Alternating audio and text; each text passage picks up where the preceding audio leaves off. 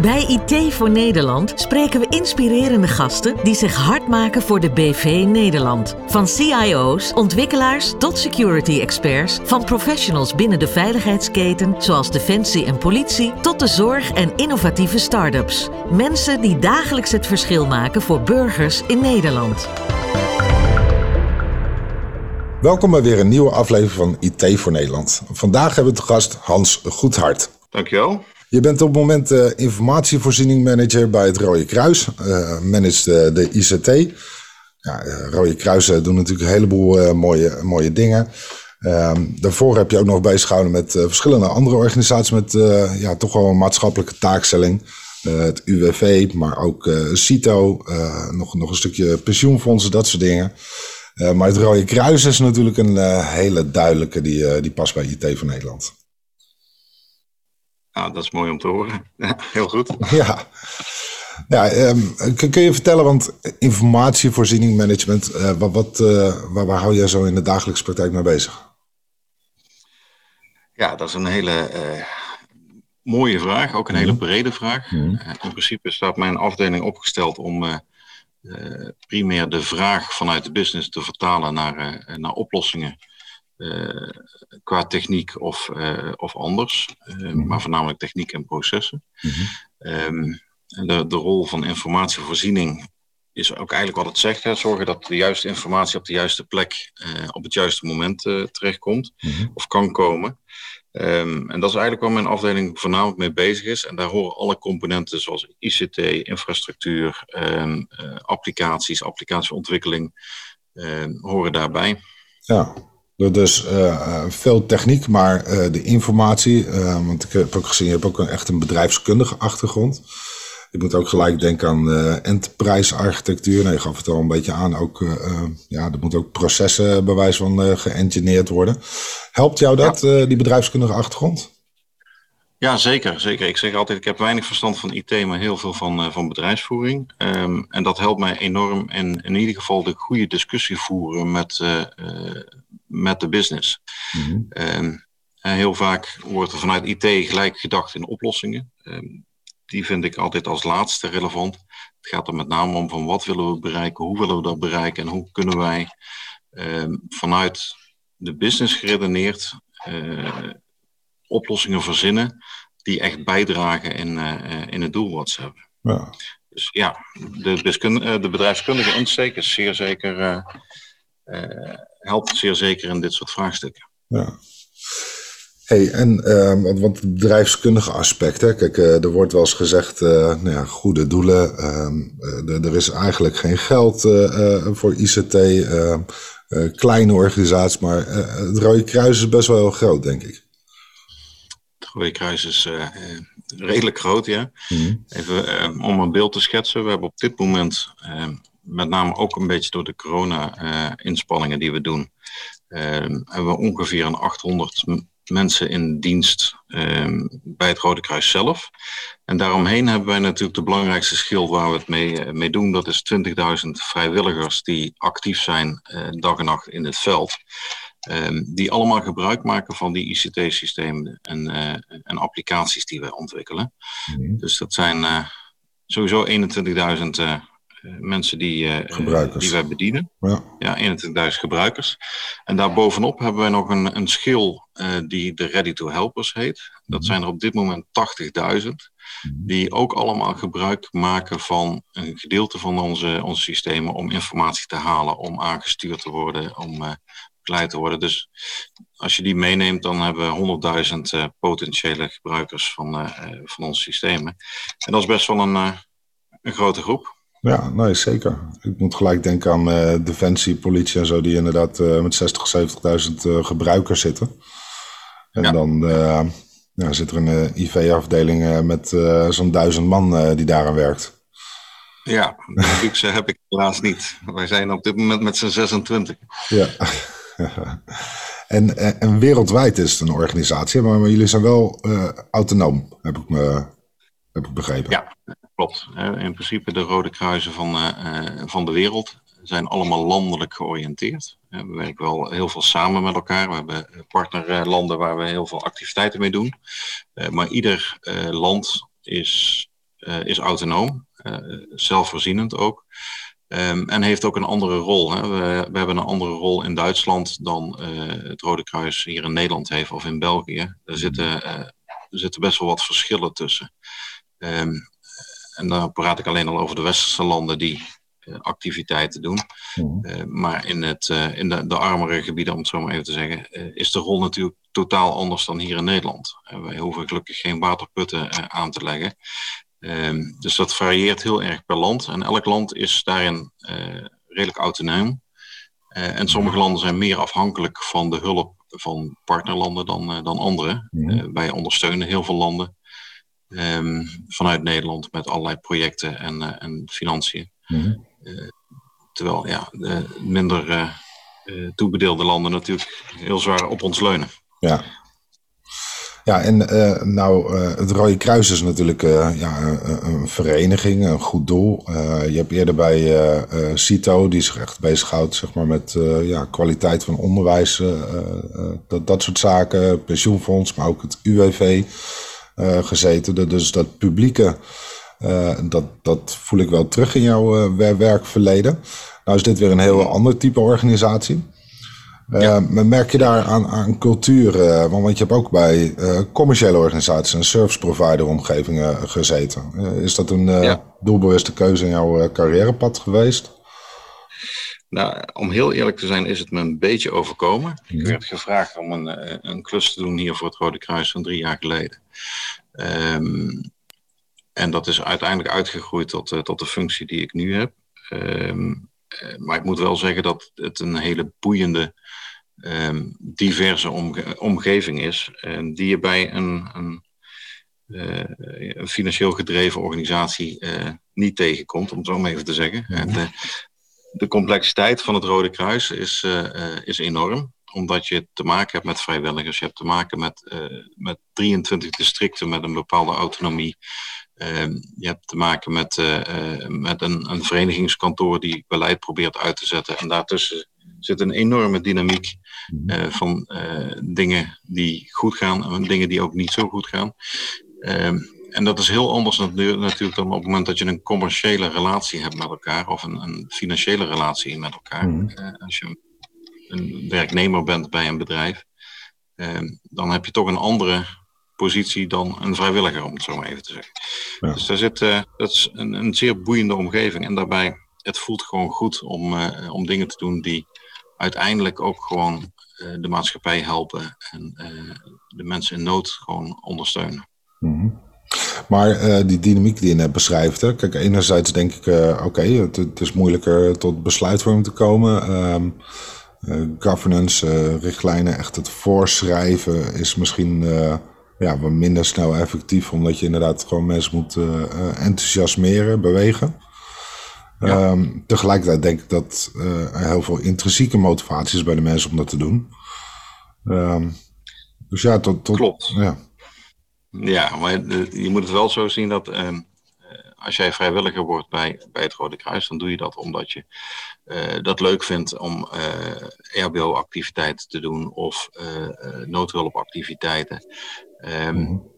Alle richtlijnen daaromheen, zoals het goed vastleggen van je uurtjes, je, je vakkundig en bekwaamheid die, die de vrijwilligers ook moeten halen, ehm, dat zijn toch allemaal wel zakelijke verplichtingen, om het zo maar even te zien. Ja. Die niet altijd helemaal stroken met uh, het idee van ik ga een paar uurtjes vrijwillig helpen bij een organisatie. Dus daar zit best wel een, uh, uh, ja, een spanningsveld tussen. Mm -hmm. De, wat wij natuurlijk heel graag willen, is zoveel mogelijk data verzamelen over de inzetten. Uh, dat iedereen zo goed mogelijk registreert wat hij doet, waar hij dat doet en hoeveel spullen die verbruikt, noem het maar op. Mm -hmm. uh, ja, dat is niet altijd in lijn met iemand die uh, vanuit zijn stukje hobby helpt bij een evenement om daar mensen op te vangen die flauw vallen. Laat ik het dan maar even zo ja. zeggen. Dus dat, dat botst nog wel eens. En om dat goed te implementeren, dat vergt best wel een, eh, een hoop, uh, hoop energie en, en overtuigingskracht ook soms. Ja. Nou, het is niet alleen de verantwoording van uh, donaties die je ontvangt, maar ook natuurlijk gewoon supply chain, gewoon heel simpel. Ook, ja. En ook de, de aansprakelijkheidsketen natuurlijk. Hè. Op het moment dat iemand flauw valt op een, op een evenement, moeten we dat wel registreren. Hè? Mocht, en de handelingen die wij doen, moeten we ook allemaal registreren. Mm. mocht er later blijken dat, dat er iets fout is gegaan of dat er. en dan moeten we dat wel kunnen verantwoorden wat er allemaal gebeurd is. Mm. Hey, en het Rode Kruis is natuurlijk ook best wel een hele oude organisatie. Bestaat al heel wat jaren. Um, heb je dat, uh, net zoals zoveel oude organisaties, ook uh, heel veel te maken met uh, legacy, vernieuwingstrajecten? Um, ja. ja, op IT-gebied bedoel je? Ja. Of in de, in de kern ja, van de nee, IT-gebied, ja. Nou, de, ik moet heel eerlijk zeggen, toen ik binnenkwam, twee jaar geleden, drie jaar geleden, toen hadden we wel nog wat oude systemen. Was IT eigenlijk gewoon een ondergeschoven kindje, zoals je dat bij veel uh, NGO's ziet. Mhm. Eh, het was een sluitpost en noodzakelijk kwaad. Mhm. Ehm, dus we hadden daar legacy systemen. Data warehouse waar servertjes draaiden die ouder waren dan, dan 15 jaar. Um, en alles stond eigenlijk op het punt van omvallen. Um, dus een van de eerste dingen die we gedaan hebben is een, een omslag gemaakt. We hebben gewoon alles geoutsourced. Hmm. Ehm, en we hebben alles naar de cloud gebracht. Dus de eerste anderhalf jaar van mijn uh, termijn hier ben ik uh, alleen maar bezig geweest in het professionaliseren van dat landschap. Hmm. Gelukkig ook dat we daar heel zwaar op ingezet hebben. Um, want ruim een half jaar voor de COVID-crisis waren wij volledig cloud en SaaS-based. Dus we hebben geen centje pijn gehad om thuis te moeten gaan werken. Um, Daarnaast hebben we natuurlijk een aantal uh, kernsystemen draaien, mhm. die de afgelopen drie jaar uh, of vier jaar al volledig vervangen zijn. Dus dan praat je over het fondswervingssysteem en de vrijwilligersmanagementsysteem. Mm daar was al gelukkig redelijk wat investering in, in gedaan om dat te vernieuwen. Mm en de afgelopen jaar zijn we eigenlijk alleen maar bezig geweest om dat landschap nog flexibeler, nog eh, modulair door te maken dan dat het al, uh, dan dat al was. Want dat dus klinkt niet als iets wat, wat in de cloud draait, maar uh, misschien ook niet off-the-shelf is. Of...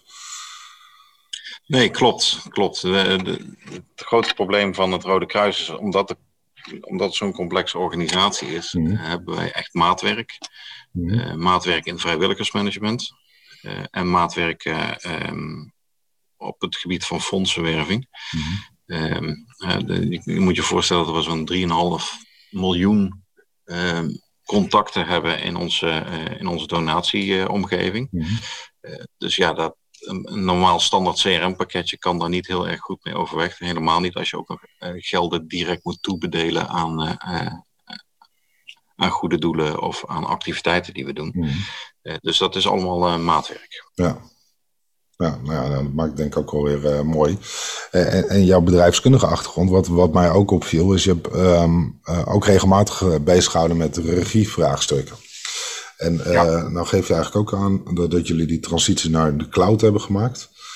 Um, dan zie je dat ook vaak in de cultuur en, en, functieaspecten die ook echt veranderen van mensen die, die je aan boord hebt op de afdeling.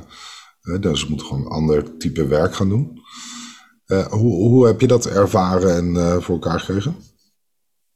Ja, we hebben um, uh, eigenlijk zijn, zijn, we gelijk overgestapt tot een outsource strategie.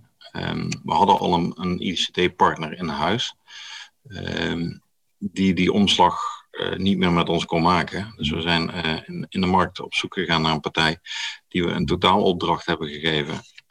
A, om de Office 365 werkplek uh, in te richten. Maar B ook om ons hele uh, data, uh, onze hele serverfarm te verplaatsen naar, naar Azure. Mhm. en dat in één project met een doelstelling om dat binnen een jaar gerealiseerd te krijgen. Dus we hebben eigenlijk gewoon een nieuwe partner in de arm genomen, mhm. die ook de volledige, het volledige beheer en, en de transitie vorm heeft gegeven. Mhm. Ehm, het voordeel daarvan is dat ik dus afscheid heb genomen van uh, de hele goede mensen die hier al rondliepen, maar die toch een andere, andere blik hadden op ICT. Mhm. En uh, gelijk een heel uh, team naar binnen heb gekregen die met de nieuwe standaarden heel goed overweg kan. Ja, ja. Ja, nee, dat oud eruit, nieuw erin. soms, soms levert dat juist ook weer de angst op bij de bestaande mensen. Maar ehm, ja, als je dat inderdaad flexibel ehm, natuurlijk zo naar binnen kan trekken, dan ja, heb je daar weinig last van, denk ik. Nee, klopt, klopt, klopt. En de, de kern uh, van de, de mensen die wij in een vaste dienst hebben zitten, mm uh, zit rondom functioneel beheer en het aansturing van, uh, de aansturing van de leveranciers. Mm dus we hebben heel bewust de techniek eigenlijk gewoon altijd geoutsourced. Mm um, omdat we ja, gewoon zien dat, dat we daar niet de propositie in de markt hebben om daar goede mensen voor aan te trekken. Hey, en uh, wanneer er nou ergens een uh, crisis plaatsvindt, hè? kijk, je hebt natuurlijk een heleboel uh, ja, dagelijkse zaken, net wat je zegt. Hè? Iedereen uh, gebruikt standaard Office 365 en fondsenwerving, allemaal dat soort zaken zijn natuurlijk business as usual bijna. Um, ja. Maar, maar er vindt een crisis plaats. De, deels is dat natuurlijk ook core business voor jullie. Um, kun, kun, je ons een beetje meenemen wat, wat er dan gebeurt op informatievoorziening vlak? Uh, um, wat, wat, wat, er gebeurt? Ja, um, de crisis dient zich aan. De overstroming ja, nou, in, uh, in Limburg bijvoorbeeld. Ja, we hebben net inderdaad een, eh, een, kleine, een behoorlijke crisis achter de rug. Um, wat er dan in principe gebeurt, is dat er een, een uh, zogeheten noodorganisatie opgezet wordt. Een landelijk actiecomité, een, een districtsgebonden actiecomité en uh, daarbovenop een uh, besturing vanuit het MT, vanuit het Rode Kruis. Mm um, mijn team sluit aan bij het Landelijk Actiecomité. En de primaire taak die, uh, die wij dan hebben is zorgen voor de informatievoorziening. Mm Echt harde informatievoorziening. Mm -hmm. Dus uh, we zetten teams aan het werk om te monitoren hoe uh, het sentiment is. We zetten teams in het werk om te monitoren welke berichtgeving er allemaal in Nederland rondom die ramp plaatsvindt. Uh, maar we zorgen ook voor aansluiting bij de datavoorziening van uh, bijvoorbeeld een veiligheidsregio. Mm -hmm. um, zodat we heel snel onze achterliggende uh, mensen die, die naar het noodge noodgebied afreizen, dat we die kunnen aansturen op basis van logistieke informatie, op basis van ehm, ja, hier gebeurt het echt. Hè. Hier dreigt een dam door te breken, om maar even een voorbeeld te noemen. Mm -hmm. dan sturen wij daar gelijk mensen naartoe om te gaan helpen met zandzakken of uh, om uh, te helpen ontruimen. Ehm, dat is allemaal informatie gedreven, allemaal die, die dan het team wat rondom informatiemanagement opgezet wordt, continu monitort en bijstuurt. En dus dat is een beetje de rol die wij mhm. innemen in zo'n zo'n rampgebied. Daarnaast creëren we direct uh, zicht op, uh, op de inzetten middels dashboards, middels uh, allerlei rapportages die, die aantonen van oké, dit zijn de mensen die we ingezet hebben, daar, zijn, daar verblijven ze, dit zijn de activiteiten die we aan het doen zijn. Mm. ja, dat is eigenlijk wel een beetje de, de rol van mijn, uh, mijn afdeling. Mm. Die dan ook echt anders gaat acteren. Hè? Nee, niet meer in de standby, maar we zitten midden in de operatie op dat moment. Ja, alle hands aan dek. Ja. En um, uh, het mobiliseren van uh, de vrijwilligers? Ja, dat gebeurt door vrijwilligersmanagement. Hè. Dat is in principe de, degene die daarvoor verantwoordelijk zijn. Mm. Um, dat gebeurt tweeledig via, via oproepsystemen. Mhm. Dus de, eh, de tools die wij gewoon ter beschikking hebben, waar mensen kunnen zien dat er activiteiten zijn uh, en meldingen krijgen van uh, we hebben hier hulp nodig. Mm -hmm. het grote leger, zo noem ik het zo altijd maar, het ready to help leger en hulpverleners, mm -hmm. die alarmeren we middels een, een telefonieoplossing, ITEL. Um, op het moment dat we ze nodig hebben. En dan wordt er in, de, in een straal van zoveel kilometer rondom een bepaalde locatie uh, gaan de telefoontjes af uh, met het verzoek om, uh, om je te melden bij, bij de coördinator. Mm -hmm. um, en daarnaast hebben we natuurlijk ja, de, de, directe lijn. Hè. Op moment, dit was Limburg. Dus mm -hmm. alle, alle mensen van regio Limburg die die konden en niet zelf getroffen waren, mhm. die melden zich dan automatisch ook bij, ja. bij het, uh, het centrum. Ja, zo'n vrijwilliger management informatiesysteem. Hè? Ik kan me voorstellen dat je enerzijds natuurlijk hebt, uh, denk aan nou, de locatie waar mensen zich bevinden. Anderzijds wat, wat, wat zo'n vrijwilliger open voor staat. Hè. Misschien willen ze ook niet overal bij bijdragen. Ehm, maar tegelijkertijd heb je soms ook gewoon harde competenties nodig. Um, met, uh, nee, ik hoorde je al zandzakken uh, zeggen, dan denk ik, nou, iemand moet wel tilwerk kunnen doen, maar denk ook aan reanimatie. Ehm, jullie geven natuurlijk zelf ook veel, veel cursussen en trainingen en dat soort dingen. leggen jullie dat soort dingen ook goed vast? dat je ja, daarop... Sowieso, ja. Uh, en daar zit ook het onderscheid tussen de, de vrijwilliger en de ready-to-helper. Ja. Uh, de ready-to-helper zijn toch meer de, de uitvoerende mensen die uh, aangegeven hebben van als er iets is wat ik kan doen, laat het me weten en dan kijk ik of ik, of ik daarop kan acteren. Ja. tijdens de COVID-crisis hebben we daar heel veel gebruik van kunnen maken, gelukkig. om mensen te helpen met bijvoorbeeld boodschappen doen en, en de honden uitlaten. Um, de vrijwilliger die echt een vrijwilligerscontract heeft getekend, krijgt daar ook een opleiding, hè, een EHBO-opleiding, een reanimatiecursussen. Um, en die moeten ook elk jaar, um, wat wij dan noemen, uh, bekwaam, uh, bekwaamheid aantonen. Mm-hmm. Dus dat zijn de juiste certificaten, dat zijn de juiste hoeveelheid uh, uren meegedraaid in een operatie. Um, en daar wordt wel heel nadrukkelijk naar gekeken dat er altijd een mix is van de, van de twee, moment dat er een inzet is. Hey, en eh, ik hoorde je zeggen, er wordt dan eigenlijk een soort noodorganisatie opgezet. Eh, deels denk ik inderdaad, ja, je hebt eh, de ene keer te maken met die veiligheidsregio, de andere keer weer met de andere. Dus je zal altijd daar een bepaalde dynamiek in hebben van, van crisis tot crisis. Ehm, maar tegelijkertijd denk ik, ja, het is dusdanig core business voor jullie eigenlijk ja, zo zou dat uh, redelijk uh, een soort uh, canned approach zijn. Um, tot in hoeverre is dat niet gewoon ja, een soort standaardorganisatie? Um, ja, nou, nou duik we heel diep in, in de nood, noodhulpverlening. um, laat, laat, ik beginnen met het feit dat elke ramp is, een, is anders. Een, een gebouw wat afbrandt is anders dan een, een watersnoodramp. Um, en er, uiteraard zijn er draaiboeken en protocollen um, die, uh, die landelijk ook gehanteerd worden. Um, maar elke situatie vergt andere, andere inzichten en er zitten ook andere mensen. Uh, nou, ja.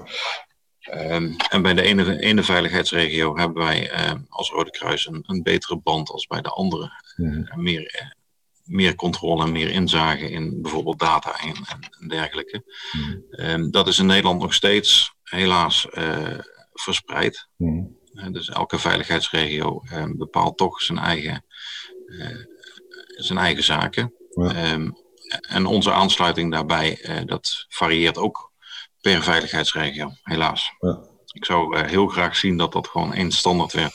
Nou, ik, kan me inderdaad voorstellen dat je daar uh, natuurlijk wel draaiboeken en dat, dat soort dingen hebt die ook weer afhankelijk zijn van een crisissituatie uh, of de aard van een crisis. Nou, je zegt een bosbrand of een gebouw wat ingestort is, dat zijn andere type zaken. Maar dat je daar wel ja. heel goed in, in, bouwblokken kunt denken. Um, en ook in ja, een soort standaard rollen die, die toebedeeld is zo'n organisatie. Um, en nou weet ik natuurlijk, je hebt natuurlijk boven de veiligheidsregels heb je ook uh, instituut fysieke uh, veiligheid, waar we uh, zelf ook dingen mee doen. En daar zijn ze ook bezig met um, ontwikkeling van centrale dashboards. Al, al, alhoewel dat toch ook weer um, ja, een beetje pijnlijk is dat de, de politiek daar weer even ehm, ja, op de rem heeft getrapt qua ontwikkeling. Um, want ja, die herbruikbaarheid van, van dat soort uh, zaken en het kunnen, visueel kunnen maken van, van data en daarmee gewoon betere crisisbeheersing kunnen doen, dat is natuurlijk gewoon uh, ja, heel erg belangrijk, denk ik. Ja, absoluut. absoluut. Absoluut. En dat is ook een, ik vind het ook heel jammer uh, dat we nog niet zo'n landelijk dekkend platform hebben met datavoorziening. Hmm. Uh, waar organisaties als de onze op aan kunnen, kunnen haken en informatie kunnen halen. Uh, even heel pragmatisch doorgeredeneerd. Um, in mijn ideale beeld hebben we dadelijk een AI bovenop onze inzetten zitten. Hmm. Um, die op basis van historische data gewoon analyses kan doen en kan zeggen van nou, ik noem even een voorbeeld, een dam-tot-damloop met 20 graden, daar kun je ongeveer zoveel, zoveel incidenten verwachten heb je zoveel koelbladen nodig, heb je zoveel informatie. Op het moment dat het weer omslaat naar 5 graden, heb je een hele andere inzet nodig. Ja. Ehm, dat soort informatie zou ik heel graag landelijk uh, willen, willen, delen. Ehm, en dus dit is maar een voorbeeld. En hetzelfde geldt natuurlijk voor bosbranden. Uh, dicht bij, de, bij een bewoonde omgeving of veraf. Mm Wat heb je dan nodig aan qua inzetten, qua logistiek? Ehm, ja, wat hebben jullie daar zelf ook heel veel historische data van? Ja, van onze eigen inzetten uiteraard. Mm Dat wordt allemaal, uh, allemaal bijgehouden en, en vastgelegd. Um, wereldwijd doen wij heel veel in dit soort datamodellen. Uh, met een speciale afdeling met data scientists. Mm dat heet 510 binnen het Rode Kruis. Mhm. Die eigenlijk alleen maar bezig zijn met het, het vertalen van historische data in voorspellingsmodellen. Mhm.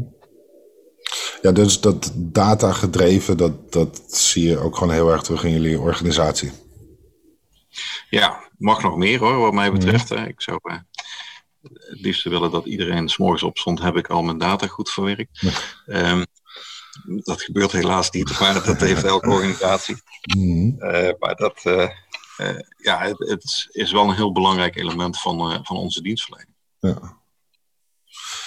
En um, wat als daarnaar kijk, je, je geeft aan van daar, daar is wereldwijd ook een uh, initiatief uh, van. Uh, ik weet dat er ook nou ja, verschillende hogescholen, universiteiten, die, die werken ook aan dit soort dingen mee.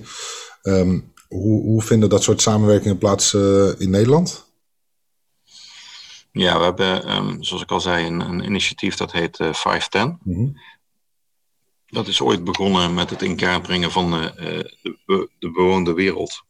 Hmm. Ehm, om daarmee uh, heel snel een, een uh, verkenning te kunnen doen nadat er een ramp heeft plaatsgevonden. Mm. dus op een meer gedetailleerd niveau dan de standaardmodellen. Ehm, en als er een tsunami over een bepaald gebied is, kunnen de mannen drones los, loslaten en heel snel verkennen hoe groot het gebied is, hoeveel huizen het betroffen, uh, hoeveel inwoners, wat de materiële schade ongeveer is. Mm -hmm. daarmee is het begonnen. Dat is uitgegroeid eigenlijk tot een data scientist uh, vereniging. Mm -hmm. Waar vanuit de hele wereld, maar ook de universiteiten en de grote IT-bedrijven van Nederland, mensen samenwerken om voorspellingsmodellen te maken, om rampanalyses te maken.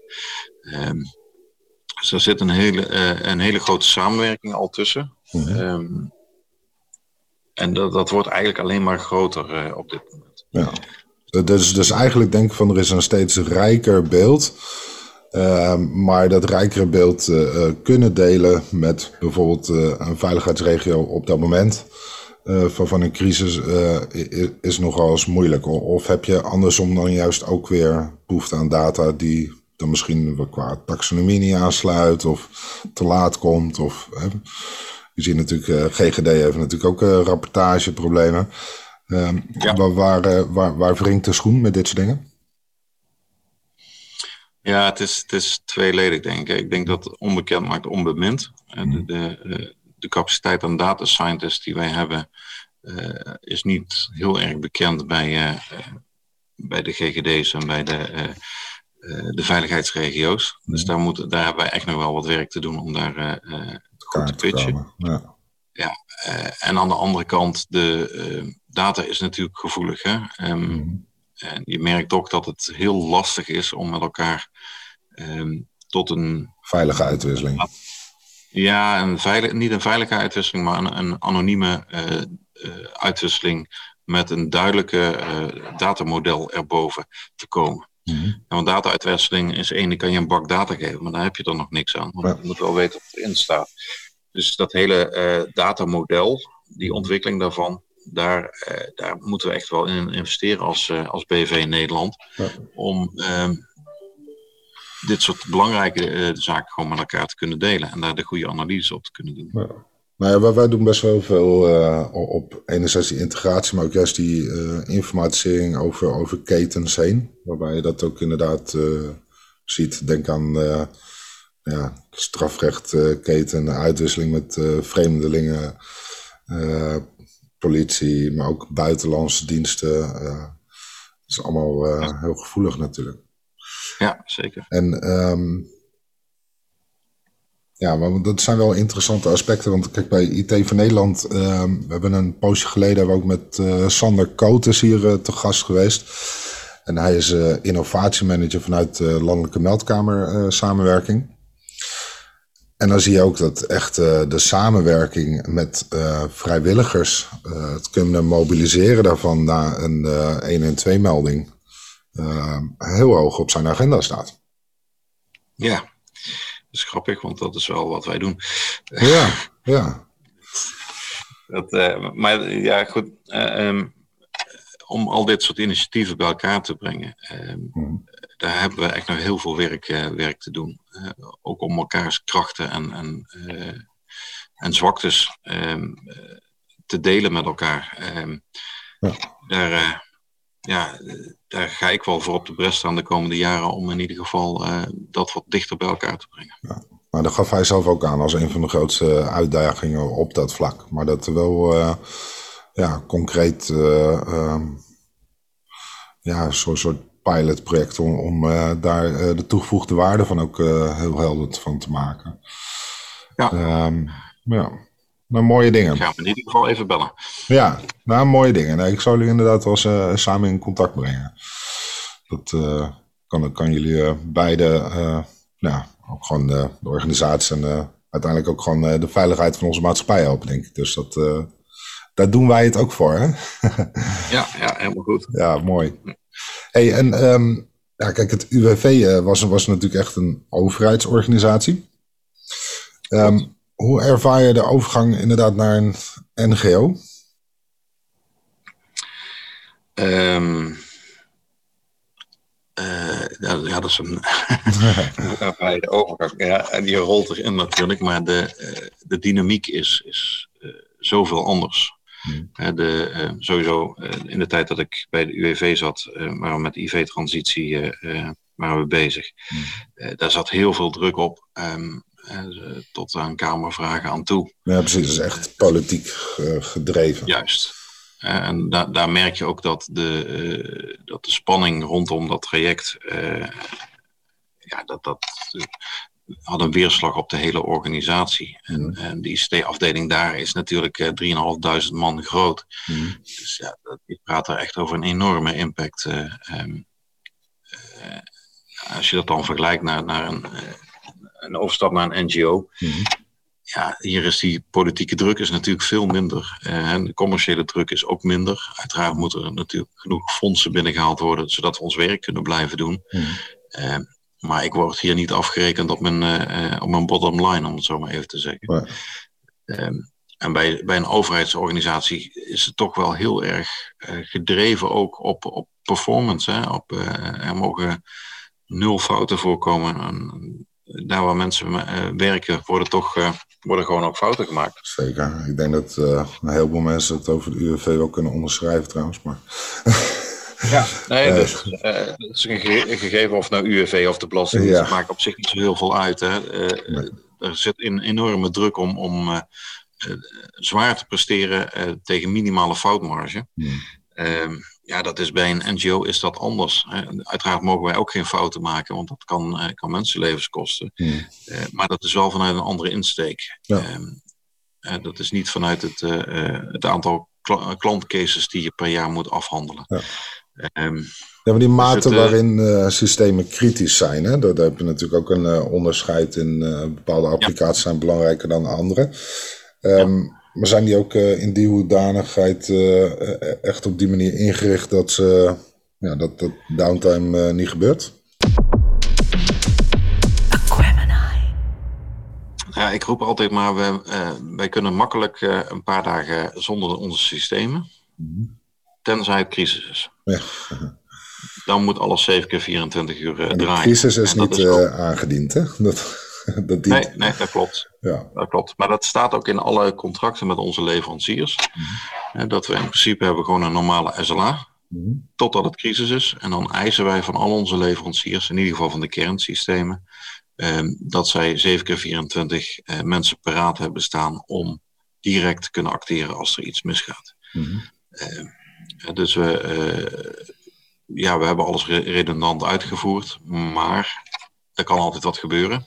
Um, en op dat moment eisen we gewoon van onze leverancier dat die uh, iedereen uit bed belt om, uh, om de boel uh, draaiende te krijgen. Ja. En ik moet zeggen, dat doet ook iedere leverancier. Ja. Maar wat ik zelf wel eens merk in de discussie, um, kijk, dat, dat soort maatregelen kosten ook natuurlijk centjes. Ja. Um, en nou, uh, je gaf al aan, hè, een aantal jaar geleden dat je binnenkwam, uh, stond nog een beetje in uh, ja, de, de, kinderschoenen, wil ik niet zeggen, maar er moest nog een behoorlijke slag gemaakt worden. Um, nu had je het over politiek bij het UWV, veel verantwoordings, die, die, je daar ook, ja, verantwoordingsdrang of zo, die er ook was. Um. Nu heb je natuurlijk uh, ja, leden, uh, donateurs. Uh, je, je, hebt natuurlijk ook best wel wat goede doelen die natuurlijk slecht te boek zijn komen te staan. Hè, waar, geld over de balk ging. Nou, dat wil je natuurlijk vermijden. Ja. Um, vanuit meerdere oogpunten wil je dat vermijden. Maar je zal je daar ook moeten verantwoorden. Zeker. En, zeker. en ja, naarmate systemen denk ik volwassener worden, kost het soms ook gewoon meer. Ja. Uh, Je hebt meer gebruikers. Uh, ik zie het overal. De hoeveelheid data groeit. Uh, dus uiteindelijk groeit ook uh, de rekening van. nou ja, je gaf al aan Azure. je gaat meer resources consumeren. Ja, helaas. Ja, ja hoe, hoe, hoe gaat zo'n discussie? Want dat gaat natuurlijk heel anders binnen RGO.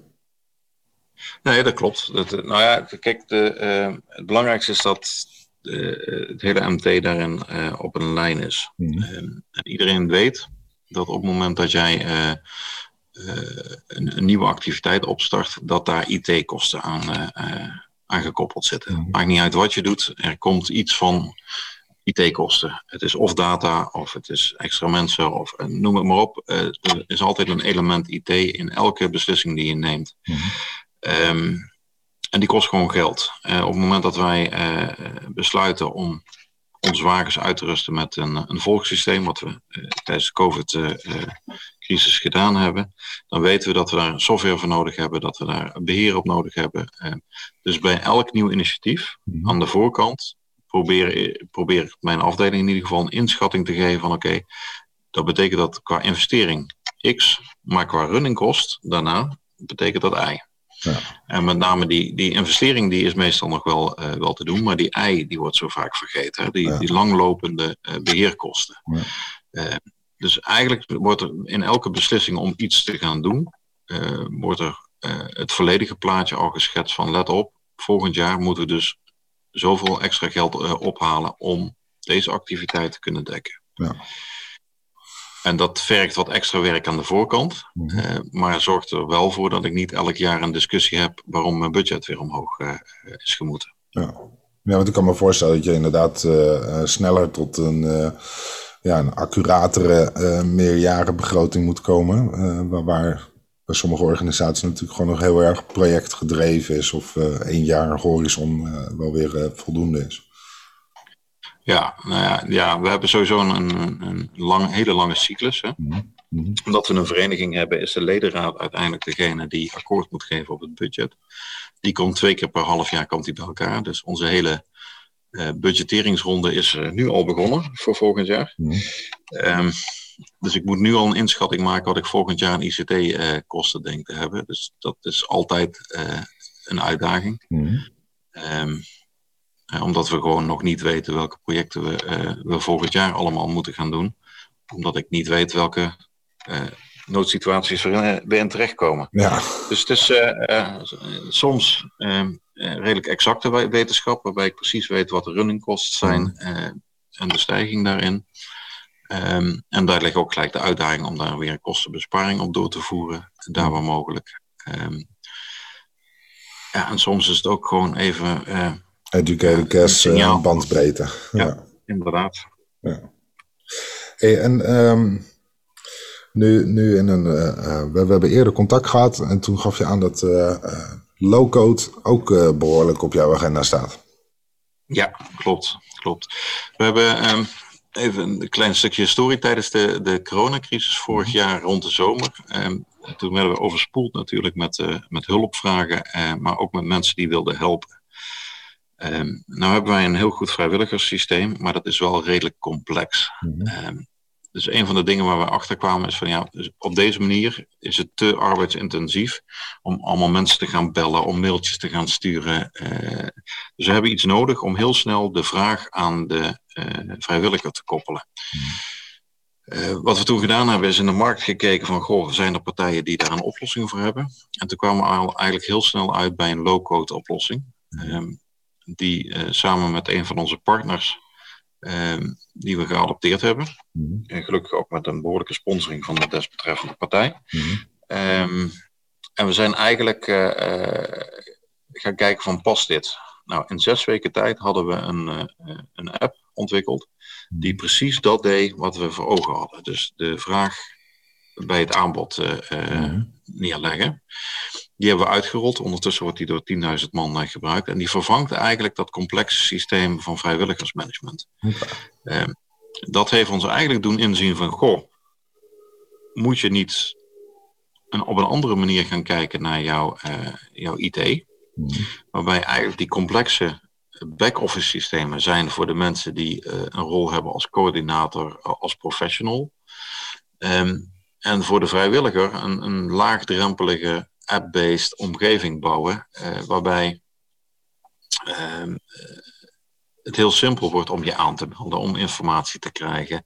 Uh, nou goed, dat soort, uh, dat soort zaken. Mm wat het mooie was trouwens van deze app, we kregen op een gegeven moment de melding dat, dat de avondklok inging en dat iedereen voorzien moest worden van formulieren. Mm doordat we dat local platform al hadden, hebben we binnen anderhalve dag hebben we die formulieren automatisch in die app kunnen laten genereren. Mm -hmm. Want je wil niet naar uh, 100.000 man een brief sturen dat ze allemaal over straat mogen. Dus gekoppeld aan je dienst kon je dan laten zien dat je daadwerkelijk voor het Rode Kruis uh, een inzet had.